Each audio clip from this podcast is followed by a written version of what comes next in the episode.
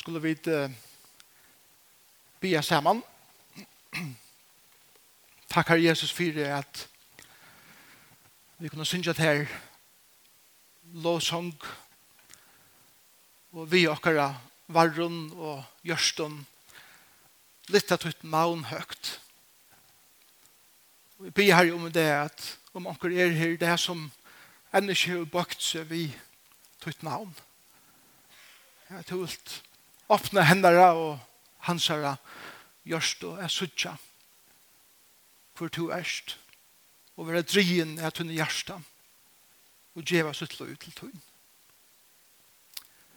Takk for predikaren og takk for framme ratten er ferdig jøkken som bøtjene nå i iver etter år og vi ber her som vi kommer til endan vi er så bare sørste talen der at du vil hjelpe oss et enda vel. Takk. Amen. Flere har sagt ved meg at det har vært avhåverst å høre med to som har blitt gammel. Men uh, jeg har bedt en annan unga mann komme og hjelpe meg. at to som om jeg blått gammel. Han er lysens eldre enn Jeg får introdusere ham om litt løt. Jeg ser at i, uh, i symfonierhesten i Joar, vi tatt om eh, Nudjars konsertene. Og Og i stetjen til setten og konsertene så, så får jeg at helse på en mann, en eldre mann, som har vært pastor av Førja Sofnerkestre fra første dag. Og Arent til så har han kjønt spalt violin og i nekvar. Og i år ser at han utmiddelen av høyrerner. Og Og jeg får til han og sier vi han, kripla det ikke ut der, jeg sitter i orkestren og, og, og hei det ikke engst til at du varst en pastor av okken. Og han sverre så leis at alt ui mer, engst til å være her. Men fingrene klarer ikke for jeg vi langt. Til han blir gammel.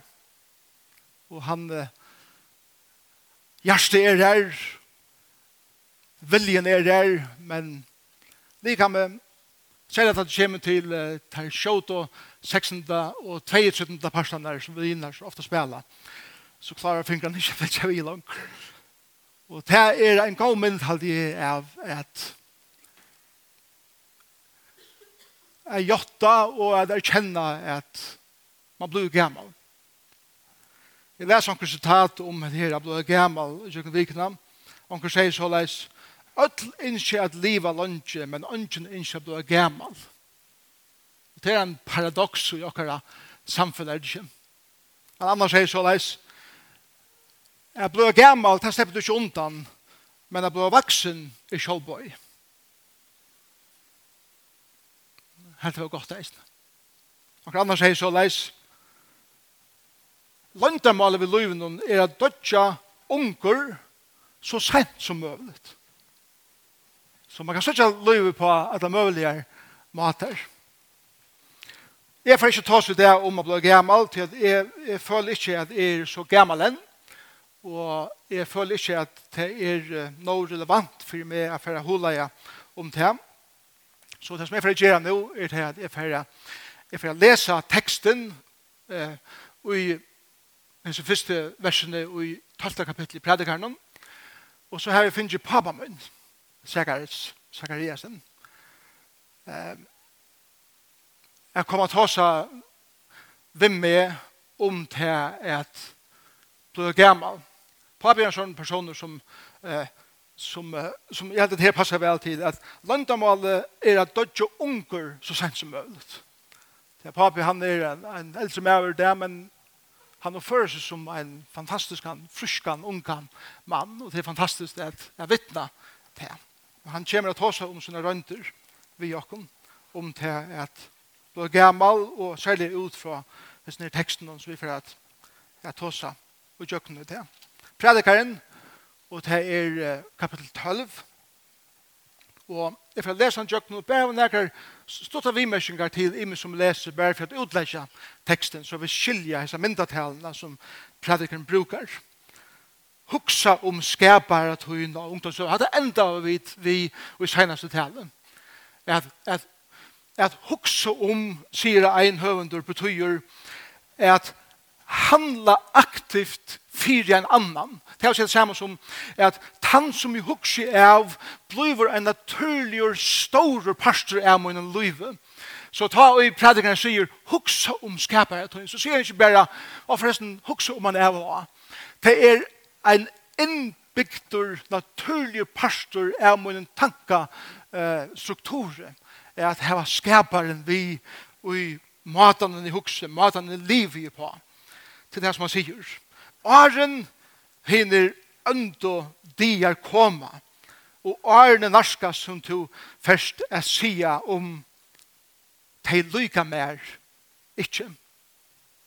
Er det amen? Her.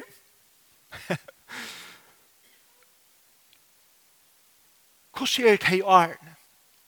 Prædikeren for at lysa til fire og i sånne fylkjende versen. Jeg skal bare lese deg, og så få pappa opp her som kjøtt som, som møvlet. Vers 2. Hvordan ser det under dien er ut? Åren sol og ljøs og mane og stjøtner være fjalt og i myskre, og skutsjene koma atter etter regnet. Her har vi et ljós og myrskur kontrasten. Og her er mynd av at løvsnasten, eller løvshuksjonen, fer, og alt byrjar blå myrst, og man orskar ikke vel onkur, og henne er vendingen til han sier her beint, at skutjene kommer attor, han rekne i færre. Det er nekka som ikke eier at henta. Ta i rekne er færre forbi, og skutjene er færre, så eier det er blå ljøst. Eier det ikke? men tar man blir gammal, så er det som om at ta og jeg føler at eier er bare klarst atter, så blir det ikke klarst. Man orskar ikke vel. Langer.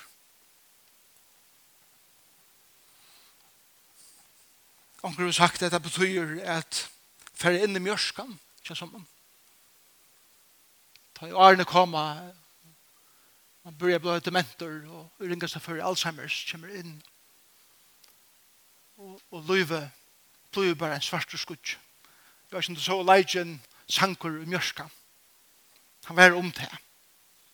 Att man inte känner sin kär langer, man inte känner sina omstå langer, og man er i en tilverk hver man ikke er før for langer et samskifte. Vi tenker her folk nær oss som er utøybeid nå vers 3, ta i terroristast som halda vakt iver huset. Jeg tenker at jeg eh, går med folk som røyner skriva.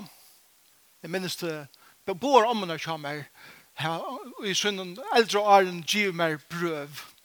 Og da jeg hittet den brøven, så ser man av håndskriftene hvordan hendene ristest. Da er brøven var skriva i og til mynden. Man blir gammal, og man klarer ikke vel å styre pennelanker. Og anker har vi sagt at kanskje det her er et, et, et, et bibelstømme om, om uh, Parkinsons sjukene. Hendene er rettstast. Og hun er menn kroppene. Menn som du ser i beste aldre, som har rattan rygg og er velbygter, krøtjas til bogna nu saman tog jeg tar store muskelstrukturene i likhamnen nye kjøkken rytjen og nye beinene og, og bukeren hokner og man börjar at, at spekle at hokna saman. Ta i tær og i akvøttene mæla djevast tog i tær er og, og foar vil du hva hatt til? hatt å til tennene der er kvøttene mæla. Men der er blivnar og fåar. Så jeg anker tegn anker. Til mynden som han hever av, at at du er gamma vid tennene er vikna, jeg kan ikke eta alle mæt langer, det blir mer og mer flåtan, det blir mer og mer blett, inntil det er forlåren og tennene er kommet ui, og så videre. Til mynden er av en kvøtten. Og myst er våre teimen og ut om vindeia hitja. Kan det dem? Det er sjånen. Når man börjar att missa sjånen, man börjar inte suttja så väl långt. Då börjar vi eh, få lesebriller på, og, men så, så, så knappt jeg så er det ikke bare å tenke det av til at nå er det eisene fjær, altså ikke lengt bort som eisene fjærre, og egene fjærre, meir og meir. Vers 4, ta i boar utdittnar vera lastar, til hentan, og hentan. Boar utitnar vera lastar og ljóe fra kvötnene minkar. I høyre verre og verre. Men så er det en paradoxer som ikke ljóar, og så det ljóar ikke herre enn spurveren leter. Er det ikke, er det ikke et paradox? Ofta som eh, eh, tas over eldre folk, at jeg, ha, ha, hva sier du? Og man, man må ta seg harst og tydelig. Men ta i det sova, så vakna det av til minst aljon. Det er en mindre, som jeg spør hvor bare leder ljøa, ljøa fra seg utenfor og det er støkk opp i svøvnet. Til det sova så lagt og det vakna så lagt og mye er nått. Det er mynden som Salman hever her, av en eldre person. Og alle teir og sinja vera lokmalter, og det er sjående stemman som byrjar affære. At den kraftiga stemman som han heier fyrr, hon blir henne her veika og milda og, og spekliga stemman som man, eh, man lustar vel etter fyrir at høyra. En gammal maver, en eldre kvinna, orsk ikke vel råpa langs. Ta jo ein storer fyrir kvarjare brekkum Er, er som jeg hadde en bensje for jeg får opp til trappen her, lunge i det. Altså trappen her, det er nok så tungt her, sånn. Nek bedre å tagge elevator. Så det mynden er at man hikker, man hikker at han er brekke, og man hukker om at han tar brekkan for det føles som om det var så få år siden, tid så tung. Jeg ganger i det, altså trappen her, årstis langer. Det er en fyrtugga fær på loft i sång. Fjallat turer. Det er lengst en færre og rassler lura av venon. Det er øtten for jeg færre ut, øtten for jeg geng i halko, og kanskje særlig øtten for jeg tar i musklene beinene færre, jeg geng og man brekker. Man er ikke orska så vel. Mer. Øtten for jeg dette. Og mandlo treje blomar. Da får mynda av Mandlo treje, Hva mener vi her? Hva er det som mener vi? Mandelotreie blomar. Mandelotreie blomar For det som er har altså. Så jeg vet, mynden som man brukar her, er det at hare bliver grått, hare bliver kvitt. Mynden er av at nu börjar man börjar det suttjast att man är blivit gammal och slasha där. Ja, tack. Och kapers ber missar krafterna. Det är att potenseren fyrs og sexdrive og alt det, men ikke bare det. Det, det sier bare eisende til eh, sansen der. Sansen er at lukta, sansen er at smakka, sansen er at føla. Det er ikke lukka størst langer som det platt jeg vera. Nå tar jeg menneska fyrir sted til evige bosted, syn. Og hva er det ofte det sørste? steg at menneska som du gammalt endar her gjør, flere dødja heima. Men vi kjenner vel i okra landet til at det gamle enda en røktar heima så enda det sjukhusen og kanskje hvis ikke dødja røktar heima noen og så gjerne kapellen noen og så gjerne sankum i kyrkjene og så sier han og henne og hennes syrkjande langt genga av venen og boja hatt det gjør erfaren, hatt det turen ut i kyrkjegæren. Og da jeg tar så vi eldre folk, så, så ser, ser det ofte at det er meira og det er feire og feire gjør erfaren jeg gjenger til.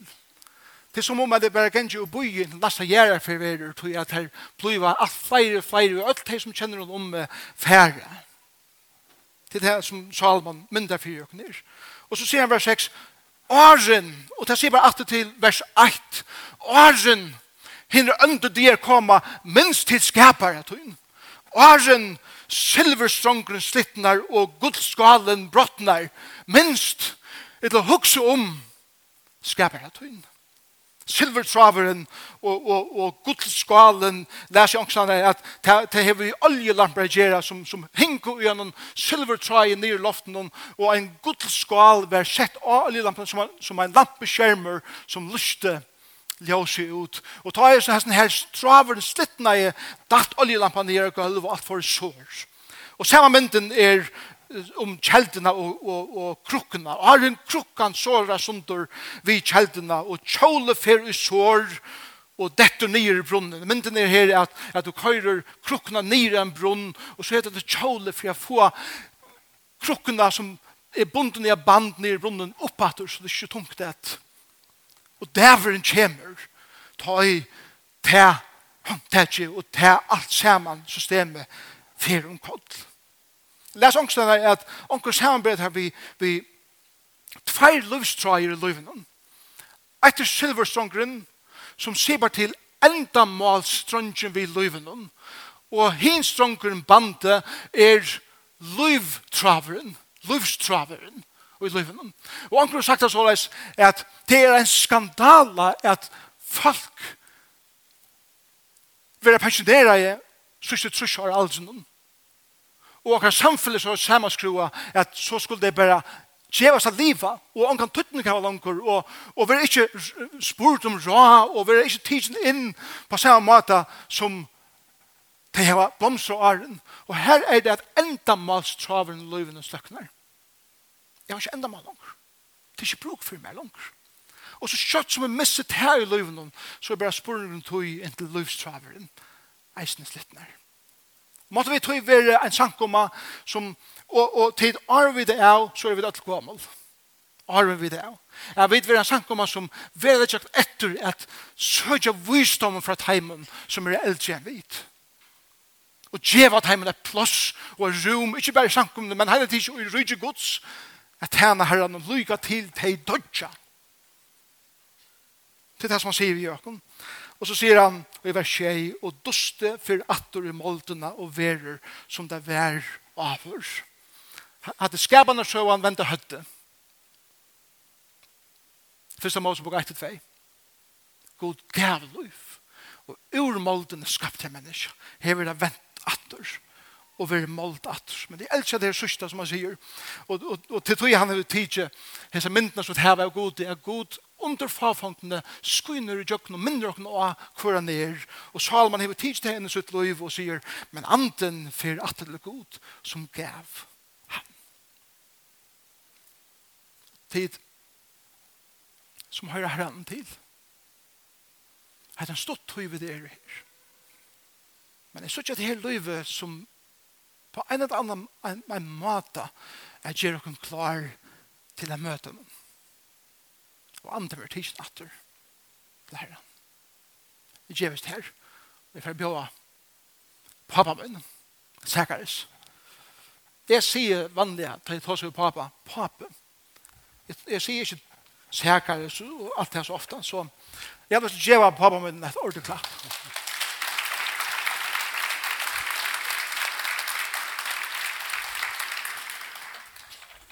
Velkommen. Takk for det. Nå håper jeg at du får gjøre noe kanning av øynene og øyrene og at du kommer. Men kanskje hvordan kanskje det. Pavi og kanskje har. Det har vi ikke. Men eh, takk for at du komst. Det er en forratt. Grunnen for at jeg yngst til at jeg blir å komme det er til at uh, da jeg husker om Hvem kan jeg be som, som uh, er gammel? Hvor gammel er pappa nå? Forsvar. Forsvar. Er det ikke utrolig?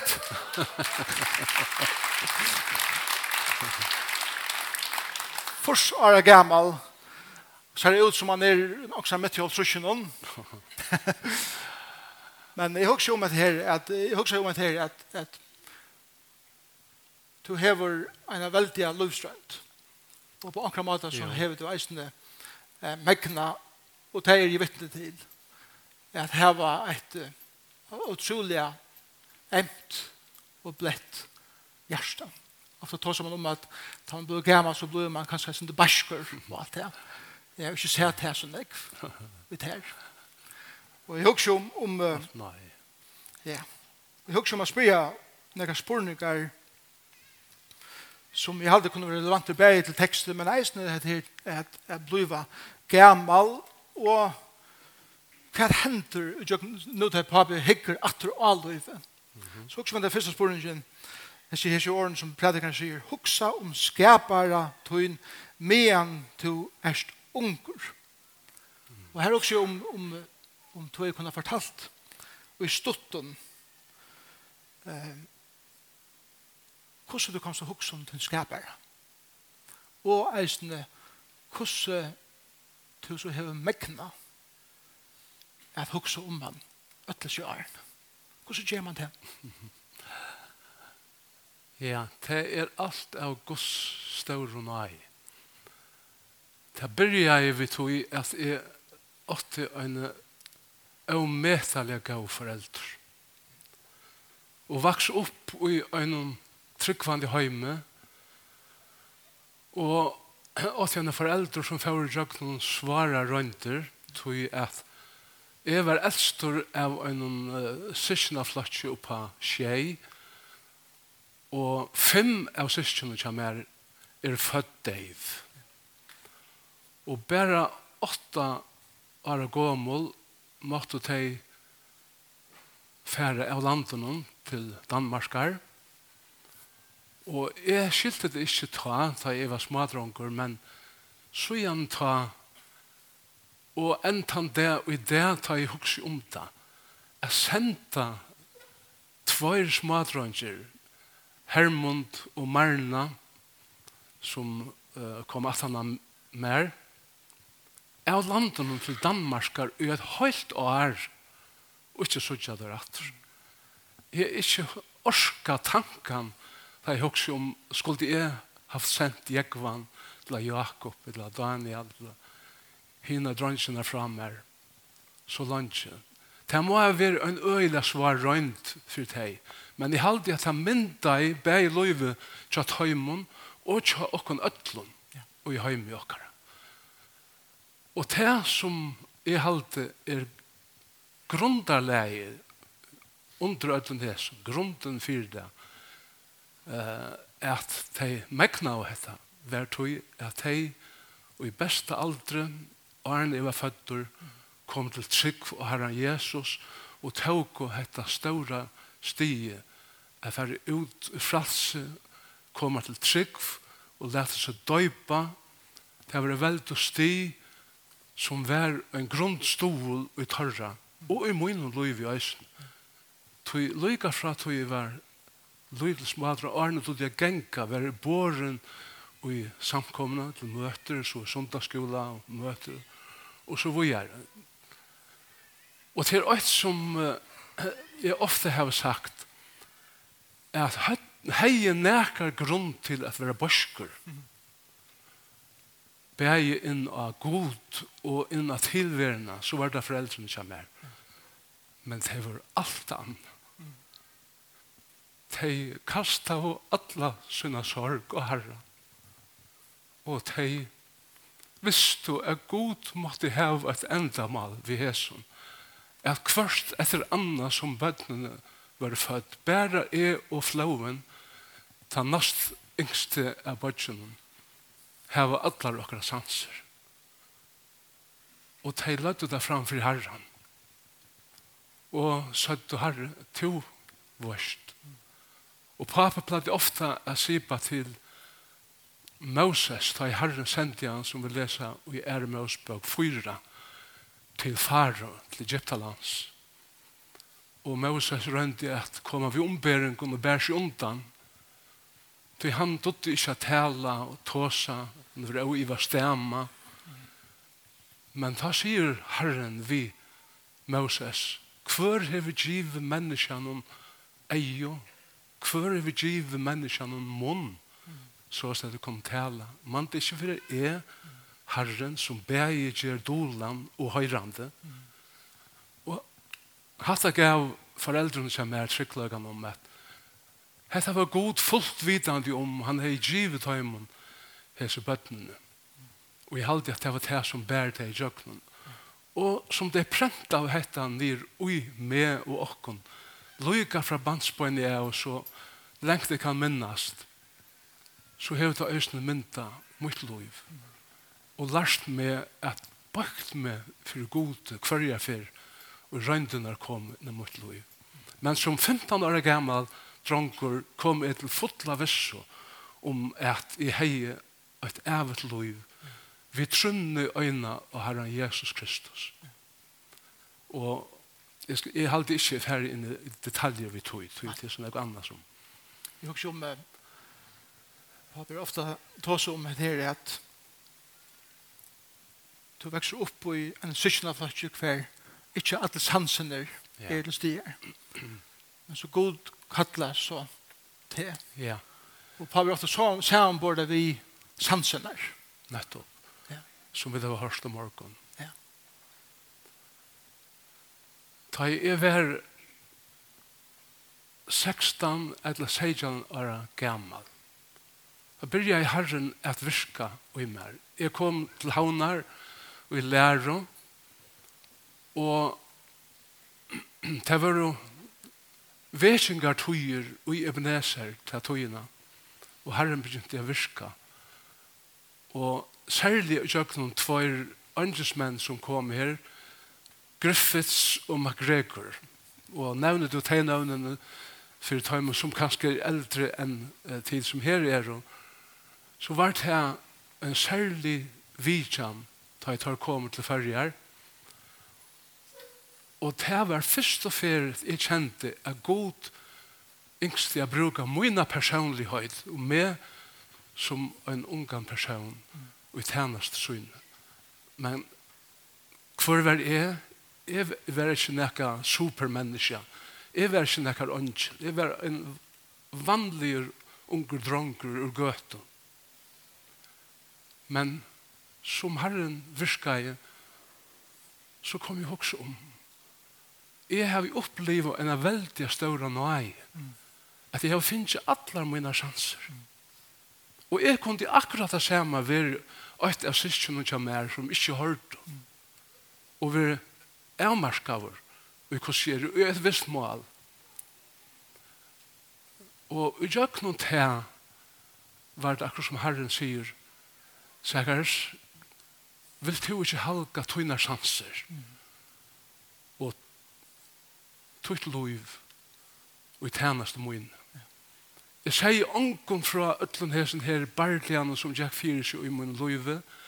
Jeg fyr til ongelands og en bibelskola og Og beina veien jeg kom her, sa jeg, hetta var løyen i Herren hei, kalla ame til og sendt meg til, ikke til å fære ut av misjonsmarsjene, men å fære høymatet til mot egna land, tog jeg visste at det var høyper av ungen som brente for herren, som ikke kjente til misjonsmarsjene.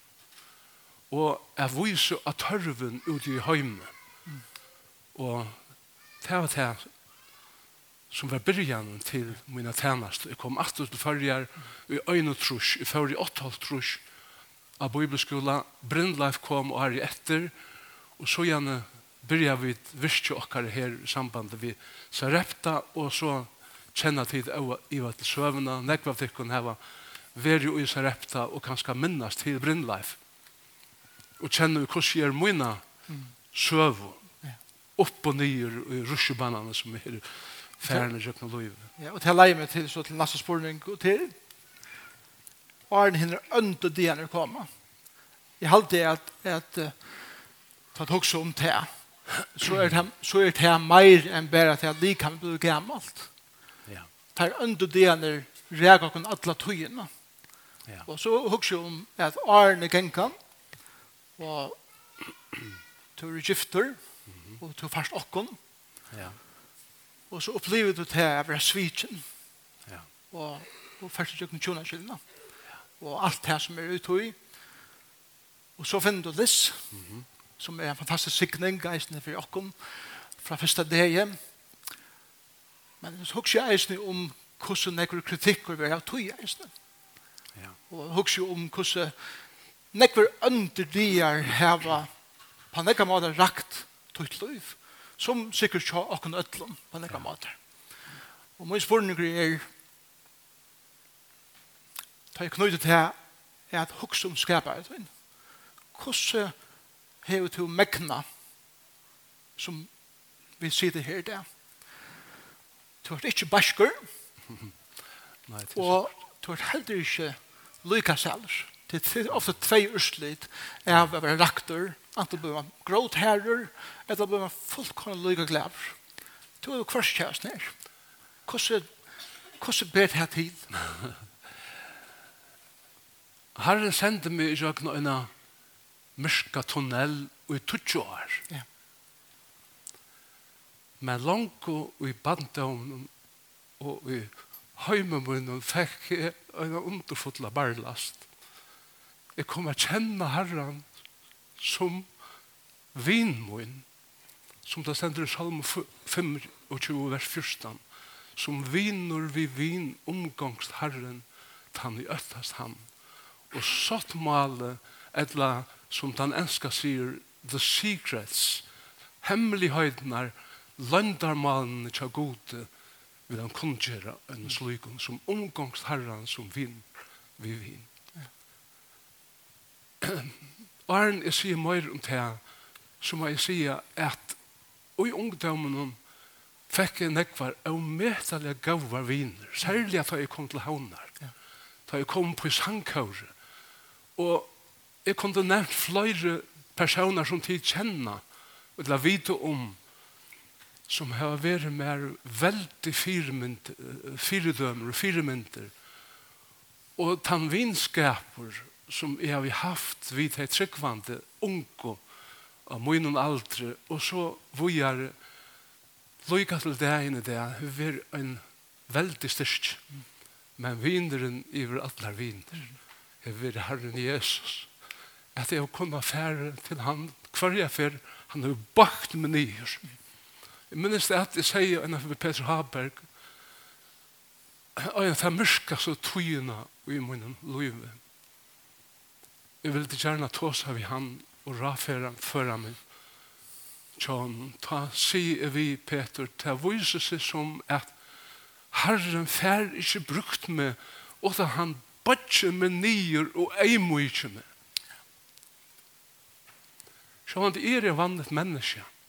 Jeg har linde til øyne jeg ble herrer og bøsker. Men jeg opplevde det her, at hver jeg fyrir gjørte med herren og bøskene, så blokkerer jeg det for sikningen i min egna liv.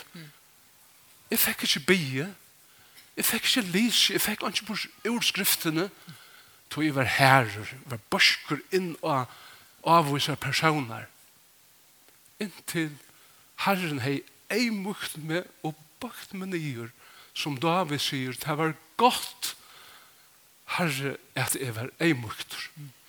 Ta kom til han litt av meg ur til dusten henne og bruka meg. Tog at det var alt av noe i herrens at jeg var frelstor at jeg har alle mine sanser alle mine evner og det stender i brev brev og suttje til at ønsken er at jeg kun viker fra noe gods noe er akkurat lov vid, vid må liva i noe og er noe og vidtja vid fra nøy og rock, vilja krevi okra krøv, så er vi levera. Suttje til at ånden er at vi viker fra nøye gods. Jeg suttje alltid er, alltid hev til er av nøye tøyne og god. Og det har vi gjort mer.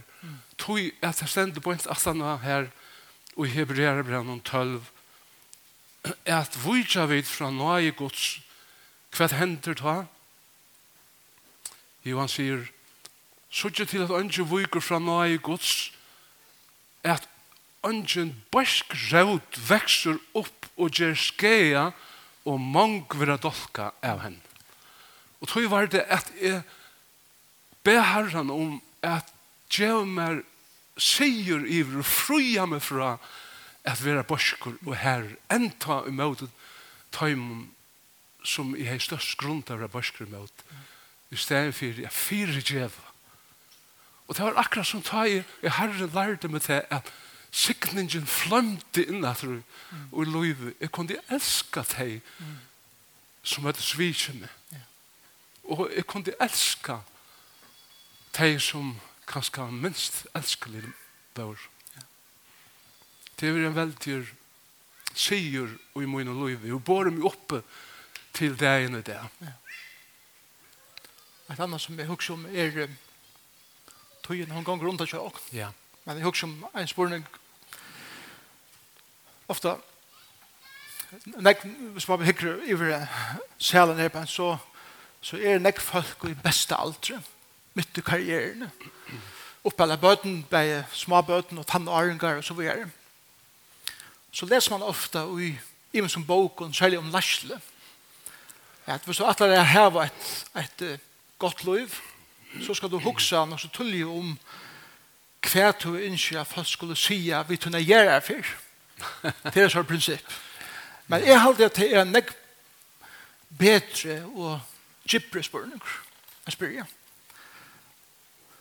Og det er hverje hverje hva hva hva yngst hva at første år Jesus her vår og tiltøyen tar tør så kom en iver om. Og jeg vet at Jesus sier ta vi komme heim, takk til gode og trygve tænare. Det sier han selv. Ja. Men, men det er mer sort jeg synes det er mer som er generelt nækka. Men så synes jeg fyrir meg at han kommer nær, han kanskje teker om andre til åkken, og nå er det personligt nu nu for Jesus att säga sånne første år ved pappa. Det tog ikke mer. Jeg har ofte också om hæsa løtene. Ta i fra sucha Jesus andligt landligt. Og jeg har elsket Daniels bok. Jeg elsker Daniel profet. Tverferer i Daniels bok sier Mikael Angelen Vian. Daniel, to størlige elska i mævr. Vi hei veri og metale glævr om vi hørte Herren Jesus sier vi med Sekaris to størlige elska i mævr. Ikke bare tog jeg at er i hans herre baden, tog han elskar okken ødel luika som tog vi det i bøtten hans herre. Men tog jeg at jeg rønte etter føremåne som tænar i hans herre, øysen jeg taknas honom, og høyre han sier, hes i åren, sækares til størlige, elska i mæver, etla, fer inn i glede mine. Tu hever tryggvor i tu luttla, og nu setter jeg til, til, til, til større, og en av veldige tænaste som han hever fyrir okken i avleikan, hver vi skulle tjene honom betre og langre og i allar æver betre enn vi nærkant heva tantonen her. Her, her, her hugsi jo om at det er at onkur sagt det er trutja føyingar. Vi var født inn i skapande verskots. Mm -hmm. Så var vi født av nudjum inn i rujtjegods. Ja. Men så sier onkur at men deien tar vi dodjan. Og jeg halde vi kunne være samt om at 100% av oss som er i ferie dødja enn det. Hvis herren ikke kommer atter av herren. Det er den tre føringen inn i nærvære gods. Og så sier Pabi at vi skulle ha en nødja tennast. Men det sier det samme som at ta i videre deg, så er det ikke livet. Ta oss til den ja. Ta berget. Ta færre med Vi durdar likame, au au marska, au tui og sted og at virka fyrir han vera sendt hier og her, kanskje i universen til klauter og verer og bojer og mannamekver at tæna honom som aldri fyrir her og hesar hjørne som forgongur. Så himmelen er meir enn bare sånn vi henten oppi og så låsa. Det er sikkert. Amen. Det er ikke å si amen til det her. Takk. Så himmelen er en nekst større dimensjon jeg vi hele tiden kunne hun Nettopp. om. Det var fantastisk. Ja. Så også til enda. Jeg til reisen for pappa enda og bia for. Ja. Samkommende. Ja, ja. Men husk om predikeren som at det er tala nummer 24 som er i predikeren. Og predikeren hever alle veien i kjøkkenen som mannen har fortalt dere om sitt liv. Nå kommer han til enda og han sier Mine sørste rå til tikkun skulle være hukse om skapare tikkara og eisen er øttast herran. Hva er rå vil du akkur som givi okkun som enn er i en gåen aldre som vil enda? Ja, jeg vil det først og fremst givi det kom til rå som jeg sier høyde som jeg var tog i min liv, at lære herren å kjenne, ikke bare som frelsere, men som en personlig vin, som vil omgengast det om det, og at elska hesa bøk, og at leta hesa bøk vil lære bøkene og heila i andan læreren, som offenberar okkon allar disse store sannløyganar og i Guds åre. det er det avmarka kvært vi klara, men min råd til tekken uh, som yngre familier vi bøttenen er at hava et godt forhold vi tekkere bøtten. En åpen løyka, en naturlig åpen løyka, så som vi hava haft okkara mittlen, at vi hava kunnet tåsa om hva det skal hava vært Loika til nu i tider nesten ble gamle røysene. Sine minner i øye fem. Jeg halte til så ometelig stor antutning at her var fortrolig høyt og gav vi i skift vi sine bøten loika fra tog at de er små.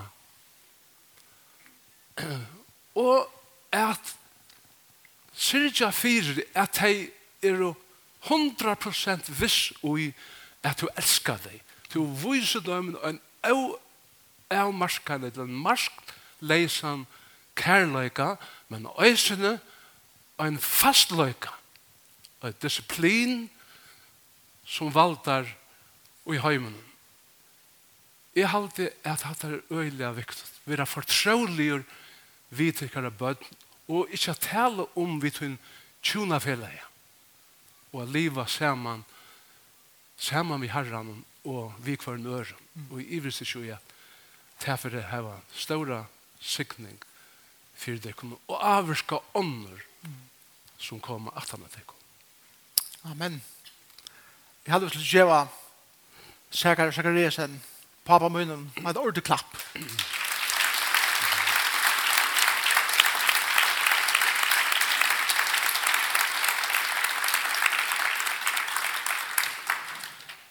Så hvis det så vil jeg be for dere. Ja.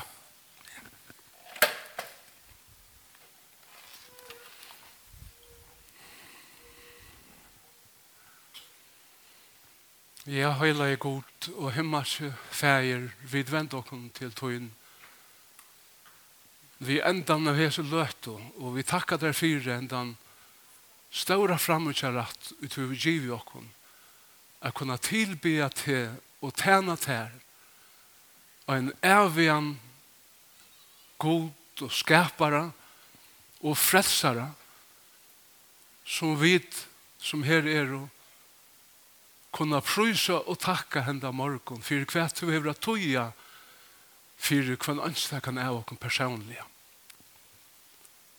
Og herre, jeg bygger så innerlig fyrir hese samkom. Jeg bygger så innerlig fyrir hvern anstakan personene, hver anstøkken tjunen, og tjuna felaja, og bøtnen, ja, fra til eldsta og til den yngsta, og i middelen okken. At du rygelig vil sikna deg, herre, og at jeg lærer å kjenne tøyna nærvære, å kjenne tøyt år, og samfellet vi til, og så løs at omgengast til, som sin personliga vin og frelsare. Jeg takkje der såleis for alt du har gjort for hese samkom. Og i hese nudjo åre bygge til om at du vil hedla tøyna ryg og sikning en kvann enstakan tarra. Vi hoks i eisen i samband med tænastna her og ta nudja bygningin herre og frelsare at fyrst og fremst tan andalige bygningren må veksa og gjera sterkur seg at høy det flyte inn i den tøymelige bygningen at det kan være navnetøynen til dørd, høyer og ære. Såleis letje er kvann ønstekan av okken og i hendur tøyner og prøys jo dere fire hva du har vært for meg personlige og fyrir kvann ønstekan av okken og i Herrens Jesu og verð vi av navnet. Amen.